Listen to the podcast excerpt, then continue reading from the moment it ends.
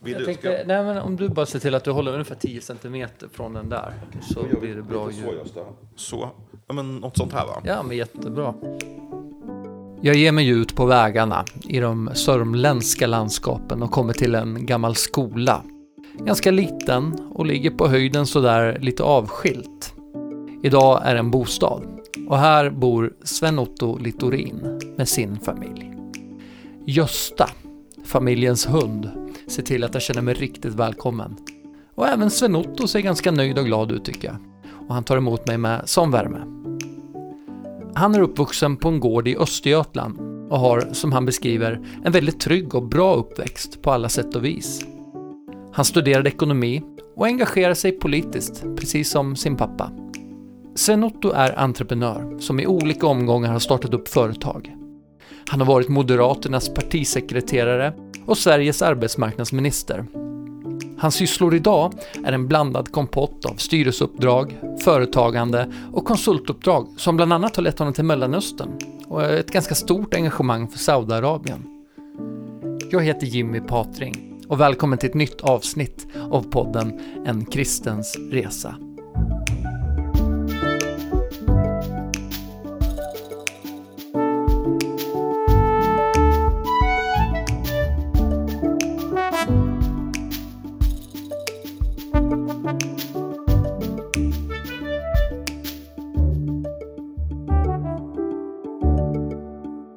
Sven-Otto Littorin, välkommen till min podd. Tack så mycket. Om du tar med oss på din resa, vad, vad börjar den? Fin, finns det någon tydlig början? Nej, det gör nog inte det, ska jag säga. Jag tror, eh, så här, min pappa var nog en stor agnostiker. Eh, han ville nog gärna tro, men gjorde nog inte det. Han hade svårt för det. Eh, varför, och- tror, varför tror du att han ville tro? Därför att han skulle nog tro att det var en rätt stor trygghet, tror jag, som han nog sökte, kan jag tro. Men han, han hittade den aldrig riktigt. Eh, mamma var mer, hade mer barnatro på något sätt. Liksom en, bara en grundstabil liksom, eh, grundton i det hela. Så det var inte, vi hade ju väldigt mycket diskussioner hemma när jag var liten av alla möjliga saker. Va? Det fanns ett stort samhällsintresse och pappa var politiskt engagerad och delvis mamma också. Så att vi hade alltid diskussion och debatt och ifrågasättande och, och sådär. Det var, det var jättekul. Eh, och även om frågor om tro och sådär diskuterade vi rätt mycket också. Men då, då var kanske inte jag så, ja, ska jag säga, det fanns så mycket att prata om och diskutera. Så det, det var liksom ingen stor grej eh, på något sätt. Och, och jag har inget sånt här eh, eh, frälsningsögonblick där jag liksom helt plötsligt från en blixt från klar himmel har insett. Nej. Utan jag tror att det är ju äldre jag har blivit och man går igenom saker så funderar man ju också mer på sin plats i livet och sådär. Det var på något sätt som att hitta hem. va? Att det liksom, ja men så här är det ju bara. Och jag, jag har en extremt enkel tro. Eh, Jag har, det, det är för mig lika självklart som att eh, solen går upp i öster eller att det blir blött när det regnar. Så jag har liksom ingen, eh, jag har inget bråk med Gud. Jag är liksom ingen, jag har inget, jag, en av de få saker som jag inte behöver ifrågasätta. Om du förstår. Och när jag väl hade hamnat där och accepterat det så kändes det bara att ja men just så, så är det. Eh, och det, det gör att eh, det, ja, det är klart man kan analysera och fundera och ifrågasätta alla möjliga saker. Men, men just den här grund, grunden, den, den bara är för mig. Men, men hade, hade, hade religion eller kristendomen något uttryck i ditt barndomshem? Gick ni till kyrkan någon gång? Ja, det gjorde vi ju. Eh, vi, vi gick, men som väldigt många andra tror jag, julotta och eh, naturligtvis alla begravningar och dop och allt sånt där. Men kanske inte så hemskt mycket mer än så. Eh, pappa hade rätt svårt för auktoriteter. Så att han tyckte att, eh, och det, jag kommer ihåg de Och sa... Gud var den yttersta kanske då? Ja, ja, och det var nog inte så mycket Gud egentligen, utan alla däremellan, om du förstår. Som han hade väldigt svårt för. Eh, Alla kyrkogubbar tyckte han var väldigt jobbiga. Eh, Och det, det innefattade allt ifrån ärkebiskopar och vanliga biskopar och påvar och präster. Alltså, han, tyckte, han tyckte det var besvärligt. Eh, att, att hantera. Eh, eh, Så jag tror inte det var, det var något så mycket liksom, emot Gud, utan snarare den organiserade religionen Ja, som han hade svårt för. Eh, Och sen så hade han inte riktigt, liksom, för, han, han hittade inte hem riktigt i liksom, den grundläggande tron.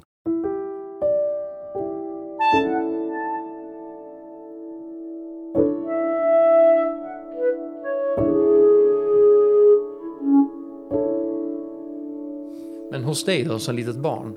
Ja. Eh, Hade du själv en, en tro på Gud? Alltså, det, det, ja, ja, förmodligen hade jag, var jag nog lite mer som mamma, va? någon slags barnatro eller sådär. Men den tog sig ingen större uttryck när jag var liten. Eh, men däremot så har den liksom kommit med åren. Eh, och, Vad beror det på tror du? Ja, men alltså är det inte så att när man går igenom olika faser i livet, det händer ju en massa saker i livet. Man, man råkar ut för grejer, det kan vara skilsmässa, dödsfall, liksom alla möjliga saker som gör att man tar sig lite mer, funderar över liksom var, var någonstans finns man? Liksom, var är min egen plats i det stora hela? Det var väl en sån aspekt. En annan aspekt tycker jag är att en insikt som jag fick eh, gradvis, det var ju att vi, många av oss, tenderar att göra oss själva till gudar, till, alltså till allsmäktiga i vår egen vardag. Va? Vi ska orka allt, vi ska klara allt, vi ska, liksom, man ska vara, det ska vara perfekt allting. Och det tycker jag är två saker som, som det leder till. För det första frånvaro av tacksamhet och för det andra så gör man ju sig själv mycket större än man är.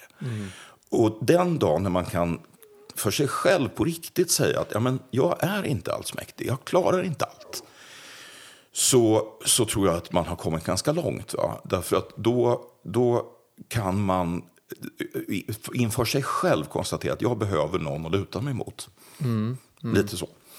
Och det tar ju en viss mognad innan man kommer dit. Va? Du måste ha gått igenom lite för att upptäcka att du faktiskt inte är allsmäktig. Eh, och, och det där tror jag är en, en bra resa. För jag tror man, många gör sig själva en extrem otjänst genom att ta på sig alldeles för mycket. Eh, och och det, det är ett förhållningssätt i livet också. Va? Att liksom var good is good enough. Va? Det, det liksom behöver inte bevisa allting. och Behöver inte bära allting själv. Nej, nej. Tror jag. Och det är en väldig trygghet när man har kommit hit. Ja. Och det skulle du säga för dig var mer av en process under en längre period? Absolut. Och det, det är väl så att, eh, och särskilt om man är då, kan, man kan, kan ju undra om man har lite ADD eller något sånt där. Liksom man ska göra allting och vara överallt och fixa allting. Och tycker man att det är roligt och dessutom är hyfsat bra på det, så går ju det där ganska långt. Va? Du kan göra jättemycket. Men till slut funkar det inte. Eh, Och det, det finns liksom en mänsklig begränsning. Du kan inte allting. Så är det bara. va? Och du, Även med de bästa förutsättningarna och de bästa ambition så går det inte. Va? Och, och då att behöva brottas med, för har du då trott någonstans att du alltid ska klara allting, gjort sig själv allsmäktig, så, så blir det där en krasch för många. Va? Så att jag tror att det bästa man kan göra för ett, ett, ett liksom hanterbart och lyckligt liv, det är att bestämma sig för att ja, men, nu räcker det. Jag kan inte allt. Jag kan faktiskt be om hjälp. Så är det. Och du kan be om hjälp med dina vänner och familj och sådär, men du kan också be om hjälp högre upp, om jag får uttrycka mig så. Ja, just det. Just det. Så är det. Och det gjorde du? Ja, Ja. det har jag lärt mig. —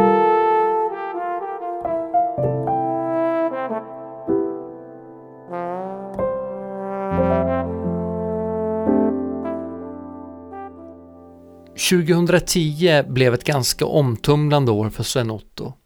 Mitt under Almedalsveckan meddelar han sin omedelbara avgång som minister. Jag blev anklagad för att ha begått ett brott som jag inte hade begått och eh, med, en, ett, eh, med, med en, en person som anklagade mig som aldrig trädde fram och jag kunde aldrig pröva det rättsligt och därmed så var det ju bara mitt ord mot den här andra personens ord. Eh, och och, eh, men det var ju liksom ohållbart i den miljö som jag befann mig i. Så jag var ju tvungen att, att, att liksom lämna. Och det var rätt bra, för det hade jag behövt göra innan ändå, för jag var inte riktigt i form. Men eh, det gjorde ju också att det här med liksom drev, mediadrev, det kan jag rätt bra från insidan. Och det är ingen rolig historia. För att du blir du blir, eh, så att säga, också i din egen självbild blir du det monster som du målas upp Ja, eh, som. Och, och det är en rätt stor, och så förlorar du dessutom ditt jobb och din karriär och allting. Så det är en rätt dramatisk, Ja, eh, ett, ett trauma på riktigt, om man ska vara ärlig. Och jag har fortfarande lite PTSD, det, det tror jag. Eh, Men man kan ju välja hur man tar en sån eh, liksom, händelse. Antingen så en del går under och en del blir förbannade och en del ältar i åratal. Jag bestämde mig för att det, det där, det, så kan jag inte ha det. Jag kan inte låta en kvällstidning definiera mitt liv i de förhoppningsvis ganska många år som är kvar. Utan då får man bestämma sig för hur man gör. Och det första som jag kände att jag var tvungen att göra, det var att se till att jag mådde bra själv. För då kan man, då kan man liksom hantera livet i övrigt och fundera på annat och sådär. Så det var liksom, ja, det kanske var gnistan då för att göra en resa i, i, i en, slags, ja, en slags inre resa om du vill. Mm. Ehm, och ehm, den, jag tror ändå att den hade hänt ändå ska jag säga. För att det var liksom, det kändes, när jag hade landat ner i och kommit på att ja, men det är så här det är. Så var det verkligen, det var bara, jaha, där ska jag vara. Mm. Det, var, det kändes väldigt enkelt. Mm. Så det var ingen dramatik i den resan på något sätt. Utan det var bara att nu är jag där jag ska vara. Ja. Lite så. Efter sin avgång väljer Sven-Otto att slutföra sina ekonomistudier. Han var sedan ett halvår på Stanford University i USA och hamnade så småningom i London och där började du engagera dig i kyrkan? Ja, jag, gjorde, jag gick i kyrkan regelbundet då i, i, eh, i London, i anglikanska kyrkan där. Och kände att ja, men jag vill ju göra något. Jag, jag, är, jag har lite svårt att sitta still. Jag, jag, skulle inte bli någon stor teolog kan jag säga. Men jag kände att jag ville göra någonting. Så att, eh, och koka kaffe på, på kaffemötena var kanske inte heller min stora grej. Så att jag engagerade mig i någonting som heter Street Pastors. Mm. Och det är egentligen nattvandrare i ett ekumeniskt initiativ. Så det är nattvandrare i kyrkans regi, men du har en hel eh, omgång med, med eh, kyrkor som, som hjälps åt med det där. Ja. Och det, en, det var en nu ska vi se, tio veckodagars utbildning, tror jag, två veckor. Eh, och eh, sen fick man då göra lite praktik. Ja, man drog på sig en väst där det står Street Pastor in Training. Och vi var fyra som gick då. Det var mm. prästen och så var det en kille som drev en snickeributik och så var det en det var en sjuksköterska tror jag, så var det jag. Och så skulle vi då gå runt och då började vi kanske vid nio på kvällen och sen gick vi till tre, fyra på morgonen. Eh, och, och, det var, det, men det kändes rimligt. För vår uppgift, självpåtagen, var ju att hjälpa folk som råkar lite illa ut på nattkrökarna. Mm. Eh, och, så vi gick runt pubarna där i förorten där vi bodde och eh, hjälpte till. Och de hade ingen aning om att det var en före detta minister? Som... Nej, det hade Nej. de inte. Och det var också en del, av, en del av, ja, men det var en del av grejen var också, att inte, man kan bara få vara. Du behöver inte vara en bild som andra har klistrat på dig. Nej, just vara, jag kunde få vara jag. Eh, och det var också en del av läkningsprocessen. Att inte, och det var, det var ju dessutom att flytta iväg efter min min rätt traumatiska liksom, eh, avgångshistoria så var det väldigt skönt att få bara vara. Ja. Och det var, det var också, eh, och då, då, hade jag faktiskt, eh, Thomas Idegård, en gammal god vän till mig som jag har känt i massor med år. Han är katolsk präst idag va? Ja, han är ja. jesuitpräst. Mm. Och han hade ju då i den vevan precis börjat sin resa och var då i London, så vi pratade rätt mycket som gamla kompisar. Eh, och det var, det var väldigt nyttigt som en del i den här resan. Liksom, att få ett annat perspektiv och kunna prata med en vuxen manlig bekant om frågor som man eh, faktiskt alldeles för sällan pratar om med, med sina liksom, kompisar. Mm. Eh, och eh, han, Thomas är en väldigt öppen och nyfiken och, och liksom debattglad person. Så att, mm. och lite utmanande också. Va? Så att, eh, och det var jättebra. Så att jag fick liksom lite, lite, lite hjälp och råd på vägen och sådär. Ja, Sen är, vad, tänker inte jag ta just det steget som han tog. Men, för en sån kallelse har jag inte kanske. Men, men eh, det var jättenyttigt. Alltså, ha, just att ha en, en vuxen manlig kompis ja. som man kan prata om saker. För det är inte alldeles många som som man kan göra det med riktigt nej, tycker jag. Nej. För alla hastar på i sina spår. Och det blir lätt att man pratar om jobb och väder och semester och sånt där. Men, men att sitta och prata om tro eh, händer för sällan kan jag tycka. Mm och, och det, så det var en del av den här resan. Att liksom, men vänta lite nu, att komma fram till den här punkten att ja, men ja, det, det är good is good enough. Liksom. Mm. Lägg inte på dig allt. Det, det var en viktig, viktig del av resan. Så ja. Men finns det något eh, ögonblick eller något tillfälle under den här Londonvistelsen där där du ändå gjorde någon form av vägskäl eller någon tydligt ställningstagande? Att, ja, men... Jag hade eh, faktiskt inte ett sånt här eh, liksom, eh, epiphany, ingen mm. uppenbarelse. Utan det var, det var mera sådär, hur ska jag likna det? Att jag upptäckte kanske en, en det är ungefär som en grundton genom tillvaron om du tänker det. Mm. Alltså som en stämgaffel och du har en baston alltså, där du kan stämma in livet efter.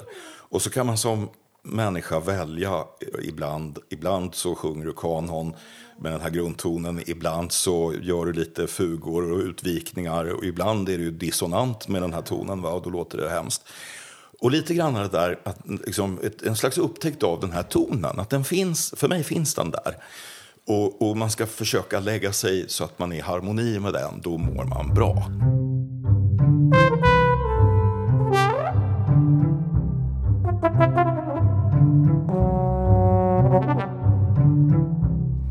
Du skriver på din eh, Facebook att du är en usel missionär. Men, men att alla, eh, alla kan göra något. Alla kan inte bli Moder Teresa, men vi kan göra skillnad i den lilla världen och ibland den större världen. Ja. Är det, är det det som driver dig idag? Ja, alltså jag skulle bli en usel missionär. För jag, jag, som jag sagt, jag tycker att jag har svårt att förklara. Men eh, någonstans tycker jag att, och det kanske är tillbaka till det här att man ska hålla sig lite i, i grundtonens eh, spektrum, eller vad man ska kalla det för. Att det får ju ändå lite konsekvenser för hur man försöker bete sig. Mm. Man, man, ställer upp när det händer saker. Man gör lite all, ingen, återigen, ingen kan göra allting, men vi kan faktiskt göra lite grann. Mm. Eh, liksom bara, försöka vara en decent person. Va? Alltså att, liksom man öppnar dörrar åt äldre, man, man ställer sig upp. Det, det är lite, kan man tycka, lite god uppfostran eller, eller så. Men det är också, kan jag tycka, ett uttryck för att man bryr sig om de man har runt omkring sig och, och sin, sin värld på olika mm. vis. Eh, och, och då, så det här med att vara eh, street pastor var ju liksom en eh, utlopp för det. Eh, och eh, nu med eh, småbarn hemma och alla möjliga saker så, så, finns det ju annat man kan göra som ändå är en... Jag har blivit väldigt aktiv i hemvärnet. Det kan man ju tycka är långt från en kyrklig verksamhet, men egentligen är det inte det. I den meningen att poängen var när vi flyttade hit ut att om det skiter sig här, om det blir skogsbrand eller översvämning eller någonting så kan inte jag sitta still. Mm. Det går inte, jag måste göra något. Eh, och sen blev det då lite extra intressant, eh, eller viktigt kanske då efter Ukraina-invasionen. Men jag anmälde mig innan. Men och det, det, får väl vara ett slags utlopp då, att man bryr sig om sin trakt man bor eller man bryr sig om de som finns här runt omkring. Att man att liksom visa någonstans att man inte bara sitter på rumpan. Mm. Lite så kan jag tycka. Mm. Eh, och sen så eh, får man väl acceptera att man när olika skeden i livet har lite olika mycket att ta ansvar för. Va? Nu har jag, jag har fyra barn och ett barnbarn, så då har man ju dem att ta ansvar för. Mm. Och det är ju mitt första ansvar, eh, att se till att de mår bra och liksom trivs med livet och är trygga och glada. Eh, men det förhindrar ju inte att man också kan engagera sig och göra lite andra saker runt omkring. Mm. Du satt ju fram till förra året eh, i ett bolag som ville öppna en gruva i Kallak i Jok Jokkmokks kommun. ja. Och det var ju en, en, en het fråga eh, ja. uppenbarligen eh, som engagerade inte minst Svenska kyrkan. Ja. du sa, du sa eh, vid något tillfälle att så här att det är inte så att jag frågar Gud om han är för gruvor. Det gör jag inte. Det är inte den relationen vi har. och jag lägger mig inte i själva sakfrågan här, Nej. men det där sista där. Hur skulle du beskriva din relation till Gud? Då? Totalt okomplicerat. Alltså det är mm. verkligen det. Jag vet att det är väldigt många som, som brottas med Gud på något sätt. Vad de brottas med sin tro och sådär. Jag har en totalt okomplicerad relation. Det bara är. Mm. Eh, och, och, det innebär inte att jag eh, liksom hela tiden, jag, jag ber om du undrar, det, det är klart jag gör.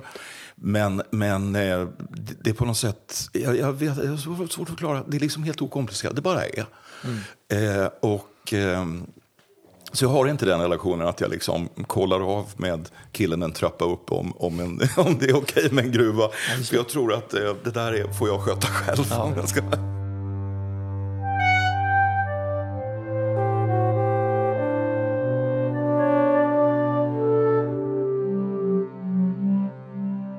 Gillar ju Jurassic Park. ja, framförallt gillar min nioåriga dotter det just nu. Hon är helt eh, insnöad på Jurassic Park. Ian, karaktären Ian som säger Life finds a way. Just det, precis. Jeff Goldblums eh, eh, karaktär där. Det har du med dig? Ja, det har jag. Därför att eh, jag tror att det är ganska klokt. Eh, och det är också när jag träffar eh, personer, lite yngre människor som, som har startat företag eller sådär, så brukar vi ofta prata om liksom, vad, är det, liksom, vad, vad, vad, kan man, vad är det viktigaste när man driver företag, eller det viktigaste när man gör saker. Och någonstans är det den här, alltså att ha en anpassningsförmåga. Därför life finds a way. Det, när det är som mörkast och jäkligast och du tycker att du har hela stormen rakt emot dig. Mm. Så, så hittar man ut, man gör det. Eh, det är inte slut och över och elände. Utan det är precis som en segelbåt när, om du är mitt ute i havet på en storm. Ja, men vad du gör är att du går upp i vind och så så håller du lite segel och sen så vänder du igen och så fångar du ny vind och så går du in mot mm. land. Va, liksom. Och det värsta som händer är att båten lägger sig på sidan och vinden blåser över. Va? Det är som, man klarar sig. Mm. så. Och, och, det tror jag är också en erfarenhet man har. Att, eh, liksom, när det, just när det är lite tufft, så lugn i stormen, andas, life finds a way. Herrens nåde var morgon ny, va, som det står i salmen. Solen mm. går upp imorgon också. Så mm. är det. Och det är, en, det är en, eh, en kombination av en grundtro, tror jag, och eh, lite livserfarenhet. Alltså, herregud, man kommer upp i vår ålder. Har, dina föräldrar har dött, mina föräldrar har dött i alla fall. Eh, man har gått igenom, jag har gått igenom skilsmässa, jag har gått igenom tidningsskriveri, jag har gått igenom alla möjliga ups and downs i livet. Och, och, man har tillåtelse att må dåligt. Du kan må dåligt, du kan gråta ut, det är helt okej. Okay. Bara man inte tror att man behöver fastna i det. För det behöver man inte. Det blir ljust imorgon också. GLVP. Gilla läget, var positiv. ja, Passa in där. Kapten Håkansson, min gamle kompanichef i lumpen, som brukar säga det. Och det, det får man också ta med sig ibland. Att liksom, ibland behöver man ju bita ihop. Eh, så jag tror, vad är det man brukar säga? Det finns någon sån här amerikansk citat. Breakdown and... Uh, en, jag kommer inte ihåg vad det heter. Men alltså just att eh, man kan tillåta sig att vara ledsen. Du kan tillåta dig att bryta ihop en stund. Eh, men man har också ett litet ansvar för att inte låta det bli ett evigt förlopp. Va? Utan till slut får man säga till sig själv att nej men nu räcker det. Nu, det finns en dag imorgon också. Mm. Djupt andetag, lita på att det blir bra. Och så får man, sen kan man göra det så att det blir bra. Lite så.